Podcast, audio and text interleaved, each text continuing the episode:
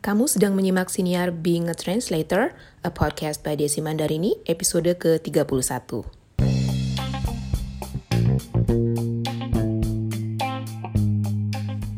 Selamat datang di siniar Being a Translator, a podcast by Desi Mandarini.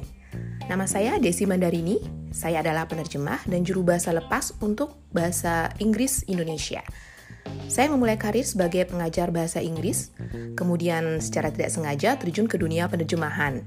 Akhirnya, saya memutuskan memilih untuk menekuni profesi sebagai penerjemah dan juru bahasa lepas hingga saat ini. Halo, akhirnya senior ini kembali dengan episode baru. Apa kabar kalian yang masih setia berlangganan? Terima kasih karena masih tetap setia menyimak ocehan saya setiap minggu. Setelah jeda sebulan, saya kembali lagi dan siap berbagi kiat dan pengalaman tentang profesi saya yang sangat saya cintai, yaitu penerjemah dan juru bahasa lepas. Nah, bulan September atau bulan lalu, saya rehat sejenak dari membuat siniar karena kebetulan ada kegiatan pribadi dan beberapa pekerjaan yang memerlukan fokus dan waktu saya lebih banyak. Jadi waktu itu saya mengerjakan cukup banyak terjemahan dan ada beberapa tugas sebagai juru bahasa di beberapa lokakarya. Saya bekerja dengan dua rekan juru bahasa yang berbeda untuk lokakarya-lokakarya tersebut. Nah, ada empat pekerjaan penjuru bahasaan yang saya kerjakan di akhir September dan awal bulan ini. Totalnya adalah sembilan hari. Waduh, lengkap sudah panasnya otak saya ya empat lokakarya dengan topik yang berbeda. Ada topik hukum, kemudian HIV AIDS, ada pariwisata berkelanjutan, kemudian yang terakhir adalah keimigrasian. Tapi saya sangat senang karena bisa belajar begitu banyak hal baru dari setiap lokakarya untuk pekerjaan penjuru bahasaan saya. Ini salah satu hal yang saya sukai dari pekerjaan saya. Selain ya tentu saja membantu saya memperluas jejaring. Nah, karena disibukkan oleh pekerjaan itulah, saya jadi harus jeda sejenak membuat siniar. Jujur ya, nggak sempat aja karena sangat-sangat sibuk. Tapi, saya selalu menyempatkan menulis di blog saya. Kalian tetap bisa membaca beberapa tips dan sekelumit cerita seputar pekerjaan saya dan tentu saja produktif, produktivitas untuk pekerja lepas. Selain itu, kamu juga bisa menyimak informasi lebih lengkap tentang apa saja kegiatan pengembangan profesi untuk pekerja bahasa lewat Nawala atau newsletter saya.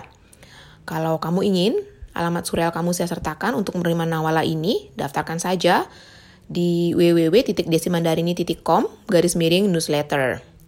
Keterangan lengkapnya juga bisa kamu lihat di catatan senior episode ini ya, di www.desimandarini.com juga. Sebelum saya akhiri episode ini, singkat saja ya episode kali ini, saya punya satu tips produktif nih untuk kalian. Tips ini sudah saya terapkan sejak lama sebenarnya, tapi baru-baru ini saya menemukan hal ini disebutkan di buku Gretchen Rubin yang berjudul Outer Order Inner Calm. Jadi, ceritanya ini saya tidak bisa fokus bekerja kalau lingkungan saya itu tidak rapi alias berantakan. Nah, untuk menyiasati itu, saya punya kebiasaan meletakkan apa pun yang saya ambil atau saya gunakan kembali ke tempatnya semula setelah saya gunakan. Entah itu pulpen, jaket, charger, aksesoris, sapu, perlengkapan dandan, dan lain sebagainya. Apa pun itu selalu saya taruh kembali di tempatnya segera setelah saya selesai gunakan.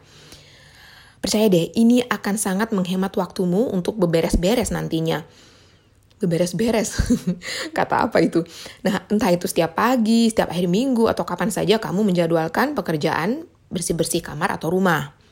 Selain itu, orang lain yang memerlukan barang yang sama juga nggak akan marah-marah atau kesal karena tidak menemukan barang yang ingin mereka pakai.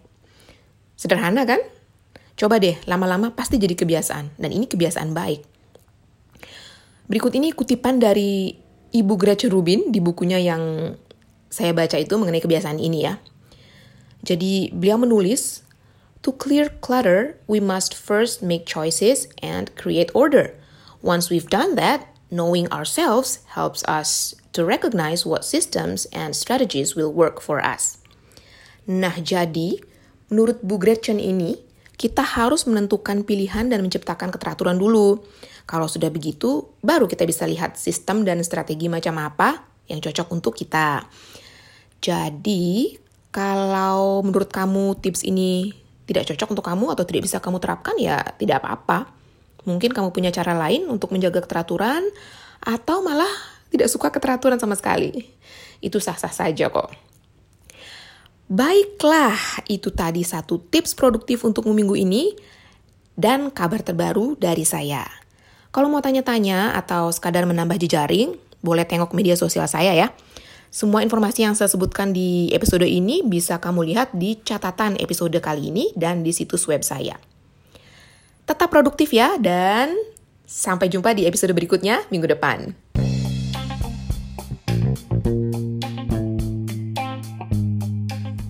Kalau kamu suka siniar ini, jangan lupa bagikan di media sosial kamu dan beri ulasan. Saya juga menulis tentang pengalaman dan tips seputar penerjemahan dan bekerja lepas di blog saya di www.desimandarini.com. Kamu juga bisa menghubungi saya jika memiliki pertanyaan, komentar, atau masukan melalui surel saya di hello at desimandarini.com.